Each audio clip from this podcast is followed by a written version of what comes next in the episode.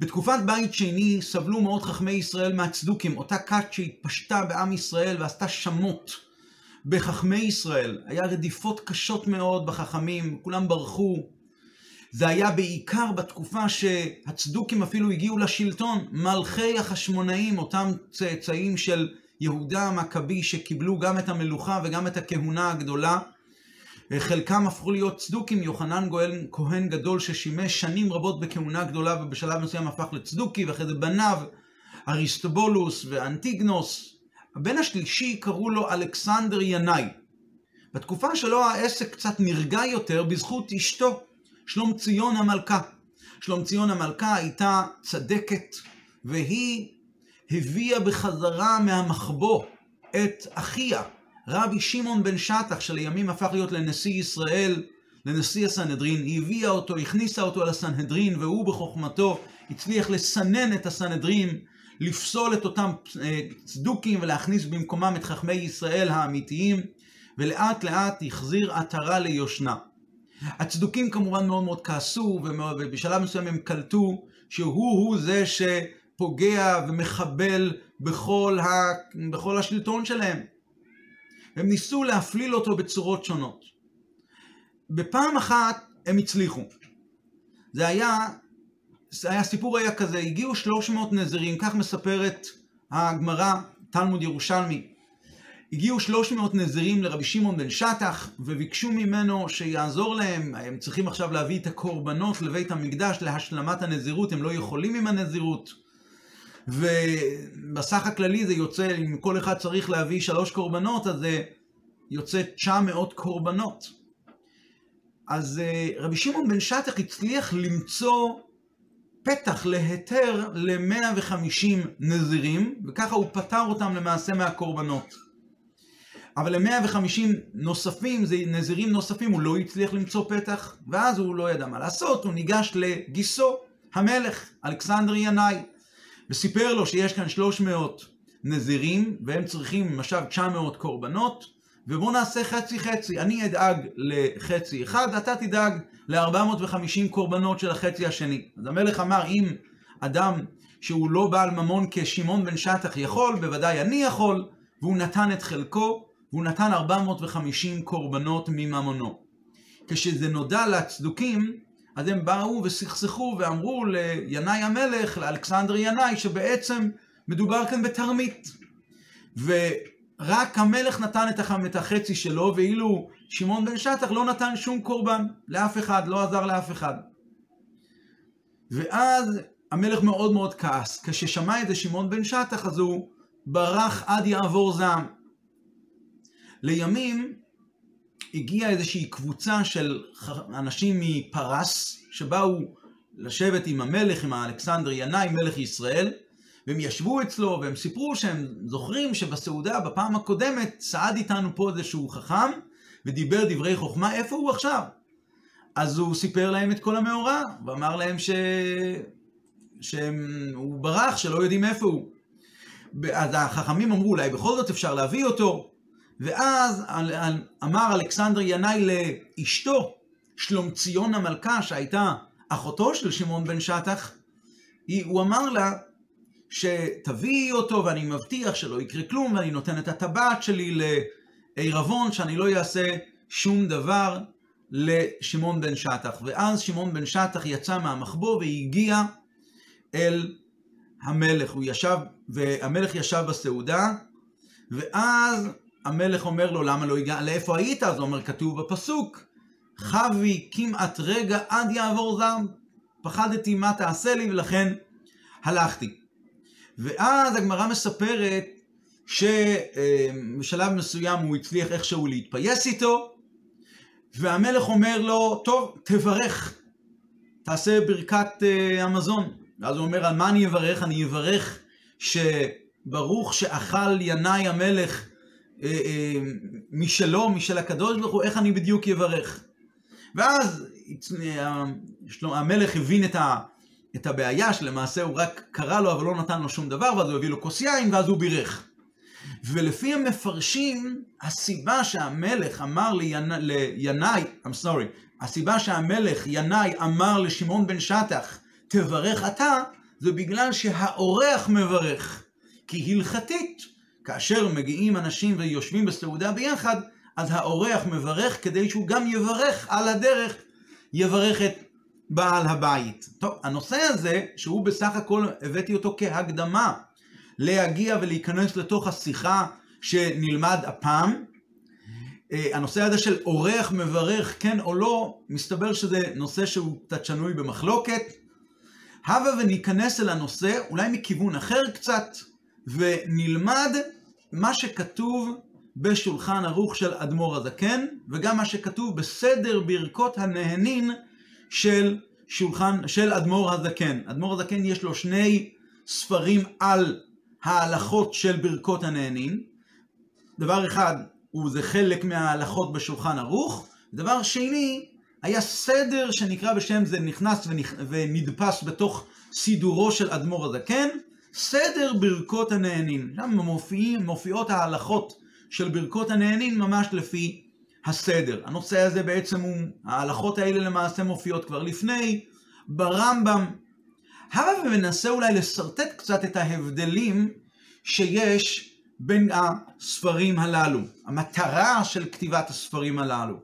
דבר ראשון, המטרה של הספרי הרמב"ם והשולחן ערוך, המטרה שלהם היא פשוטה. הם חוברו כאוסף של פסקי הלכות. רק מה?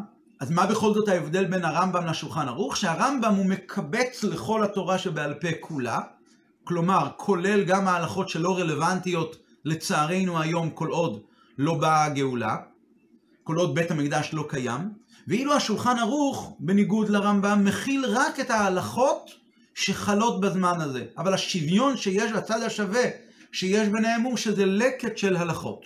לעומת זאת, סדר ברכות הנהנין, אדמו"ר הזקן קבע אותו בתוך הסידור, בסידורו של אדמו"ר הזקן, וכשההלכות האלה כתובות בסידור, זה קשור יותר להנהגה המעשית בחיי היום-יום. כמו שאנחנו רואים בפועל, שבחלק מההלכות האלה הוא חלק מהלכות נטילת ידיים שחרית, הלכות ציצית. אדמו"ר הזקן הכניס בסידורו, סידור אדמו"ר הזקן, שנקרא בשם סידור תורה אור הגדול.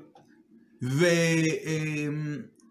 אמ, אומרת, ההלכות האלה שמופיעות בסדר ברכות הנהנין, הם לא נכתבו כל כך בשביל ידיעת ההלכה, אלא יותר לנסח את ההלכה כדי להורות להלכה בפועל. ואחד ההבדלים שנובעים בין לשונו של אדמו"ר הזקן בשולחן ערוך לבין לשונו של אדמו"ר הזקן, שהוא כתב את זה בסדר ברכות הנהנין, ובהלכות בכלל שמופיעות בסידור, שבסדר ברכות הנהנים ההוראות להנהגה צריכה להיות הוראות להתנהגות מיידית. וזה מופיע בעובדה שהדיוק בלשון הוא רק להבהיר מה כרגע צריך לעשות. לא מה יוצא לפי זה במצב X או במצב Z או במצב אחר. לא. דיוקי הלשונות, גם אם אנחנו נשב ונדייק בלשונות, בלשונות, בלשונו של אדמו"ר הזקן בסדר ברכות הנהנין, הדיוק לא בא להדגיש כל כך מה יילמד בהנהגה אחרת בעתיד, אלא מה קורה כרגע. ולכן אין לנו, אין לנו כל כך את היכולת לשבת ולדייק מסדר הלכות ברכות הנהנין, מה קורה בהנהגה אחרת, במצב אחר.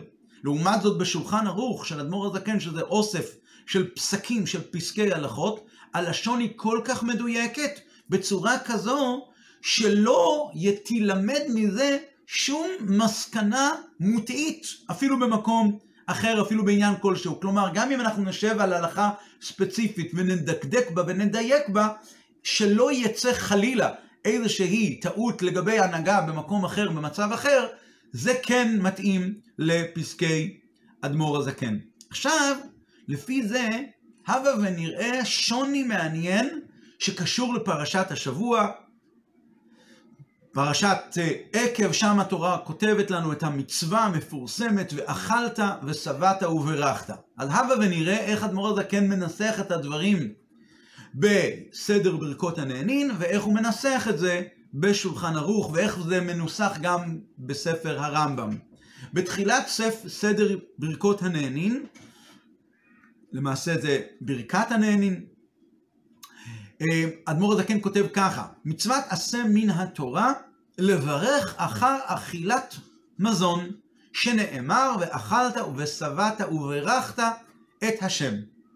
הדברים האלה שהאדמו"ר הזקן מצטט גם בשולחן ערוך, בעצם במקור במקור זה מופיע ברמב"ם בתחילת הלכות ברכות, אבל הבה ונראה כמה שינויים שיש בין לשונו של הרמב"ם לבין לשונו של אדמו"ר הזקן, איך שהוא מצטט את זה, וגם בין השינויים בין סדר ברכות הנהנין לבין, לבין השולחן ערוך. ברמב"ם הלשון הוא מצוות עשה לברך אחר אכילת מזון, בשולחן ערוך הניסוח הוא מצוות עשה לברך את השם. מצוות עשה לברך את השם אחר ברכת המזון. זה בשולחן ערוך של אדמו"ר הזקן. אחרי זה הרמב"ם מצטט מהפסוק גם את המילים וברך, ואכלת ושבעת וברכת את השם אלוקיך. אדמו"ר הזקן בשולחן ערוך כותב ואכלת ושבעת וברכת את השם וגומר.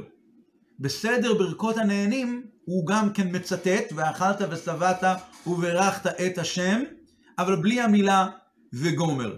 זה מאוד מעניין. מה, מה, כאן, ה, מה כאן הסוד שמסתתר מאחורי הניסוח הכל כך עדין והכל כך שונה הזה? הדיוק מודגש הרבה יותר בהמשך הסעיף, בסעיף הבא, גם בשולחן ערוך, בפתיח של הלכות ברכות הנהנין, וגם בסדר ברכות הנהנין שבסידור. אדמו"ר הזקן כותב, וכל הנהנה מהעולם הזה, בלא ברכה, כאילו נהנה מקודשי שמיים, זאת אומרת סוג של מעילה, שנאמר להשם הארץ ומלואה. אז פה קיים הבדל הפוך, שבשולחן ערוך אדמו"ר הזקן לא מביא את הציטוט המלא של כל הפסוק, שמופיע בסעילים כ"ד, להשם הארץ ומלואה, הוא לא מוסיף אפילו וגומר, להשם הארץ ומלואה. בסדר ברכות הנהנים הוא מוסיף וגומר, כאילו מזכיר לנו שיש המשך, תבל להשם הארץ ומלואה, תבל ויושבי בה. לכאורה זה נראה שינויים קלים, שינויים דקים, אבל אנחנו יודעים עד כמה האדמו"ר הזקן דייק בלשונו, עד כמה הרמב"ם דייק בלשונו, עד כמה האדמו"ר הזקן דייק בלשונו והוא משנה. כשהוא משנה ממקום למקום, כנראה שיש כאן בשינויים האלה משמעויות. אז לגבי ההבדל הראשון בין לשון הרמב"ם לבין לשונו של אדמו"ר הזקן בשולחן ערוך, היה אפשר לומר ככה, הרמב"ם אומר שהמצווה היא רק לברך, מצוות עשה לברך אחר המזון, הוא לא כותב מצוות עשה לברך את השם. למה? טוב, לפי הרמב"ם זה די ברור, כי הכותרת של כל ברכות הנהנין היא מצוות עשה, והרמב"ם כותב, הלכות ברכות הנהנין והיא מצוות עשה אחת, לברך את השם הגדול והקדוש אחר אכילה, ואז מופיע ההלכה, מצוות עשה, מצוות עשה מן התורה לברך אחר המזון. אז ברור שמברכים את השם, ולכן הרמב"ם לא צריך בהלכה עצמה להדגיש שהברכה היא לברך את השם. אבל בשולחן ערוך שאין כותרת לפני, אדמו"ר הזקן בשולחן ערוך לא מביא את המצוות שמופיעות, את כמה מצוות עשה יש, כמה מצוות לא תעשה יש, כמו שהרמב"ם מביא תמיד בהקדמה להלכות שלו. אז לכן האדמו"ר הזקן כותב, מצוות עשה לברך את השם. אבל עדיין, בכלל, למה צריכים לציין שמצוות עשה לברך את השם, והרי כתוב בתורה, הפסוק בעצמו אומר, ואכלת ושבעת וברכת את השם. אז ממש לא מובן, למה כן צריכים להדגיש את זה? מצד, למה, למה הרמב"ם צריך להדגיש את זה? למה בכלל האדמו"ר כן צריך לציין שיש כזאת מצוות עשה לברך את השם? ברור. זה, וזה ממש ממש פלא, וכמו שאמרנו, אה, גם השינויים שיש ב, ב, בין השולחן ערוך לבין סדר ברכות הנהנין, הוא ממש ממש מעניין. אבל לפי מה שאמרנו, לפי מה שהסברנו, על ההבדל, מטרת החיבור של שולחן ערוך, אוסף של הלכות, מטרת החיבור של הרמב"ם, מקבץ לכל התורה כולה, ומטרת סדר הלכות ברכות הנהנין, לבוא ולתת לנו את ההנהגה כמו שהיא נוגעת לפועל, עכשיו נוכל להבין את העניין הזה, וזה יקשר אותנו עם הסיפור שאיתו פתחנו. יש כלל שהמילה עת בתורה שבכתב, לא בתורה שבעל פה, בתורה שבכתב, המילה עת היא בדרך כלל הלשון ריבוי. כמו למשל, כבד את אביך ואת אמך לרבות אחיך הגדול. את השם אלוקיך תירא לרבות תלמידי חכמים. המילה את זה לרבות גם תלמידי חכמים. אז לכאורה, ואכלת ושבעת וברכת את השם אלוקיך, אז זה בא כנראה לרבות עוד מישהו. אז נאמר באמת בראשונים שזה בא לברך את בעל הבית. וברכת את שהאורח מברך ברכת המזון כדי שהוא יברך את בעל הבית. ככה באמת מופיע ברמב"ם בהלכות ברכות, ככה גם אדמו"ר הזקן בשולחן ערוך מביא את זה, שמצוות, שאורח מברך לבעל הבית. בסדר ברכות הנהנים הוא לא מביא את זה, הוא לגמרי מתעלם מההלכה הזאת כמו שתכף נראה.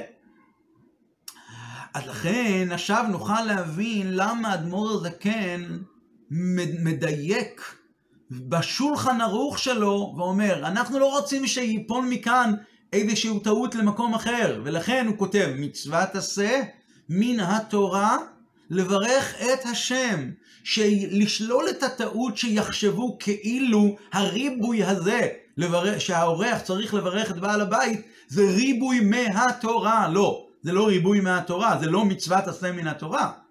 המצוות עשה מן התורה היא לברך את השם, היא לא כוללת את המצווה לברך לבעל הבית. אולי יש באמת כזאת הלכה, אבל זה לא, זה מנהג, זה מנהג שנהגו, זה דרך ארץ.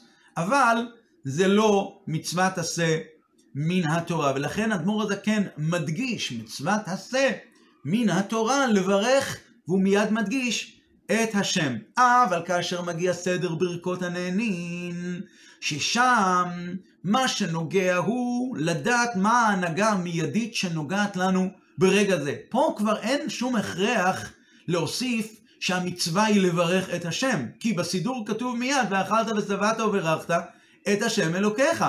אז מובן מיד, מובן מאליו שברכת המזון היא נטו לקדוש ברוך הוא, ולכן, אה, לכן הוא מיד אומר, לכן הוא אומר, וברכת את, ולכן הוא אומר, ואכלת ושבעת וברכת את השם, והוא אפילו לא צריך לכתוב וגומר, ולכן הוא לא צריך לכתוב מצוות עשה מן התורה, לברך את השם, ברוך, ברור שהוא מברך את השם. וכמו שאמרנו, בסדר ברכה, ברכות הנהנין, בסדר ברכות הנהנין של אדמו"ר הזקן, בכלל ההלכה הזו שהאורח מברך את בעל הבית לא מופיעה. אז בכלל לא צריך למנוע את הטעות הזו. אבל ברמב"ם ובשולחן ערוך של אדמו"ר הזקן, שבהם ההלכה הזו כן מופיעה, אז לכן זה מודגש שהמצווה היא לברך את השם, חשוב מאוד להדגיש את זה. אמ, הבדל נוסף יש בין שולחן ערוך אה, אדמו"ר הזקן לבין סדר ברכות הנהנין שלו, שגם הוא נובע ממה שאמרנו מקודם, זה בנוגע לטעמים של ההלכות. החידוש של אדמו"ר הזקן בשולחן ערוך הוא, לעומת שולחן ערוך של הבית יוסף רבי יוסף קארו, הוא שאדמו"ר הזקן מביא מילתא בטעמה, הלכות בטעמיהן. לעומת זאת ההלכות שמופיעות בסדר פסקי אדמו"ר הזקן בסידור, או בפסקים שנוגעים בסדר ברכות הנהנין, זה דבר שנוגע למעשה בפועל, אז גם אם שם כן נמצא פה ושם אי אילו טעמים, טעמים של ההלכות בקצרה, זה לא כל כך ההדגשה בסדר ברכות הנהנין ובפסקי אדמו"ר הזקן בסידור. שם נוגע יותר ההנהגה בפועל. למעשה הסיבה שאדמו"ר הזקן הכניס את טעמי ההלכות בתוך השולחן ערוך, זה כדי, אה, לכאורה הוא יכל לעשות כמו שהרמב"ם עושה, שמביא את ההלכות כמו שהם. הסיבה שהוא הביא את הטעמים זה כדי שלא יהיו מה שנקרא מבלי עולם, כלומר, אנשים שהם אה, אה, בלי עולם, אנשים שהם כביכול יכולים להרוס אה, עולם שלם על ידי אה, אה, הלכות שהם יבינו אותם בצורה לא נכונה. אז כדי שלא יהיה כזה מצב, בכל אופן לשם ידיעת התורה, לדעת את ההזכיה, וגם לשם ידיעת התורה וגם לשם שלא יהיה טעויות, אז הוא מביא גם הלכות וגם טעמיהן. אבל כאשר מדובר בסידור, בסידור של אדמו"ר הזקן ובסדר, סדר הלכות הנהנין של אדמו"ר הזקן, שהמטרה היא ההלכות למעשה, אז גם הטעמים שכן מופיעים, זה לא מופיע לשם ידיעת הטעמים, לידיעת הסיבות, אלא כדי להבהיר איזושהי הנהגה שנוגעת כרגע למעשה בפועל, ואו שהטעמים שכן יופיעו, יופיעו לתת איזושהי חיות או כוונה מיוחדת במעשה שמופיע ברגע זה, ולכן אנחנו כן מוצאים גם בסדר, זה ההסבר לזה שאנחנו מדי פעם בסדר ברכות הנהנין, ובפסקי אדמו"ר הזקן בסידור מופיע כן טעם ההלכה ממש בקצרה, כדי לתת איזשהו חיות, איזשהו טעם, אבל משהו שנוגע כרגע. לעומת זאת בשולחן ערוך, כמו שאמרנו מקודם, זה לשם ידיעת התורה, זה לשם הבנת התורה ולשם שלא יהיה איזושהי טעות במקום אחר. לפי זה אפשר להבין עוד הבדל שיש בין הלשון של אדמו"ר הזקן בשולחן ערוך לבין הלשון שלו בסדר ברכות הנהנים. כאמור לעיל בשולחן ערוך, ששם אדמו"ר הזקן מביא את ההלכות עם הטעמים, והמטרה היא לצורך ידיעת הטעמים. אז לכן הוא מציין מדי פעם את הפסוקים להלכות. ולכן הוא אומר, ואכלת ושבעת, מקור לברכת המזון, המקור לברך את, ה, את השם אחרי ברכת המזון הוא מהפסוק, ואכלת ושבעת וברכת את השם. לכן אדמו"ר הזקן מוסיף את המילה וגומר, כי לצורך ידיעת המקור שברכת המזון היא מן התורה, א', אנחנו שללנו את שזה לא כולל את בעל הבית, זה לא מהתורה העניין הזה של בעל הבית, וב' לצורך הידיעה הזו חשוב גם ההמשך, לא רק המילים ואכלת ושבעת וברכת את השם, אלא גם הווגומר, את השם אלוקיך לארץ אשר נתן לך. מה זה הווגומר של ואכלת ושבעת וברכת? את השם אלוקיך על הארץ הטובה אשר נתן לך. שבפסוק, מהפסוק הזה לומדים שברכת המזון מן התורה צריכה להיות ברכה שכוללת על הארץ ועל המקדש ועל ירושלים, ולכן באמת ככה אנחנו עושים על הארץ הטובה אשר נתן לך, ברוך אתה השם על הארץ ועל המזון וגם על המקדש. זה בשולחן ערוך של אדמו"ר הזקן, ולכן הוא מוסיף בדיוק לשונו בשולחן ערוך מצוות עשה לברך את השם, שנאמר ואכלת ושבעת וברכת את השם וגומר. וגומר הכוונה היא לדע, לדעת את העניין הזה של הברכה שחלה גם על הארץ, לברך ולהוסיף מן התורה את ברכת המזון גם על, לכלול בברכה הזו גם ברכה על הארץ. לעומת זאת הרמב"ם, שהרמב"ם מביא את ההלכות כמו שהם, אז כאשר הלימוד של ההלכה הזאת כרגע לא כתוב, כרגע אנחנו לא לומדים העניין הזה של לכלול את ברכת על הארץ, אלא כרגע אנחנו לומדים את ההלכות, אוסף של הלכות. אז הרמב"ם כותב, מצוות עשה לברך, את הש... לברך, אפילו לא לברך את השם כי הוא כבר כלל את זה לפני בכותרת, מצוות עשה לברך אחר ברכת המזון, שנאמר, ואכלת ושבעת וברכת את השם אלוקיך. והוא לא כותב וגומר, כי זה לא קשור מבחינתו העניין הזה של הווגומר, שכולל לכלול את ברכת המזון ב- על, הארץ בתוך ברכת המזון. בסידור אדמו"ר הזקן, בסדר ברכות הנהנין, כאשר הטעמים, כמו שאמרנו, מובאים רק, מובאים רק כדי להבהיר איזה שהם הנהגות שנוגעות למעשה בפועל, או איזה שהם אה, כוונות וחיות בהנהגה בפועל, אז אין באמת שום צורך להביא שום פסוקים. אז למה אדמו"ר הזקן בסדר ברכות הנהנין כן מביא פסוק? הוא מביא את הפסוק, למה? כי הפסוק מביע את המשמעות של ההלכה. והמשמעות של ההלכה הזו נותנת הרבה יותר הבנה ויותר חיות ותענוג כרגע בהנהגה המיידית. למה באמת מברכים? הטעם והמהות לזה שאתה אוכל, אדם ואכלת, ושבעת, וברכת את השם. כשבן אדם שבע, אז עליו להודות לקדוש ברוך הוא, ו... ומכיוון שזה הטעם, שהוא אתה אכלת ושבעת וברכת את השם אלוקיך, אז לכן בן אדם צריך להבין את העניין הזה, והוא, וזה נותן לו הרבה יותר חיות בברכת המזון. ולכן, כשאתה שבע, אז אתה מברך, לכן אדמו"ר הזקן מביא גם בסדר ברכות הנהנין, למרות שזה רק אה, פסקים שנוגעים להלכה בפועל, הוא מביא את הפסיקה, וזה גם ההקדמה, גם מביא את הפסוק בנוסף לפסיקה עצמה. הוא לא אומר, צריך לברך אחר המזון. זהו, לא. צריך לברך אחר המזון שנאמר, אכלת ושבעת וברכת, זה נותן לבן אדם הרבה יותר משמעות בברכה שהוא עושה. וזה הקדמה גם להמשך הסעיף של אדמו"ר הזקן בסדר ברכות הנהנין, וכל הנהנה מהעולם הזה בלא ברכה כאילו נהנה מקודשי שמיים, כי מכיוון שאתה עכשיו כרגע נהנה מדבר ששייך להשם, אז צריך לברך אותו, כי זה שייך לו. בדומה, בדומה לזה שברכת המזון מחייבת השביעה, אדם שבע ומהשביעה הוא מחייב להביא ברכה, אותו דבר, בן אדם נהנה מדבר כלשהו ששייך לקדוש ברוך הוא, אזי הוא צריך להביא, להבין שהוא צריך עכשיו לברך את הקדוש ברוך הוא, ולכן כל הנהנה מן העולם הזה כאילו נהנה מקודשי שמיים, כל הנהנה מן העולם הזה הוא כאילו נהנה מקודשי שמיים, ולכן הוא צריך לעשות ברכה. לכן אדמו"ר הזקן משמיט בסדר ברכות הנהנין את ה"וגומר". כי מה המשך הפסוק? להשם הארץ ומלואה, אה, תבל ויוש ואיבה. ולכן, ולכן,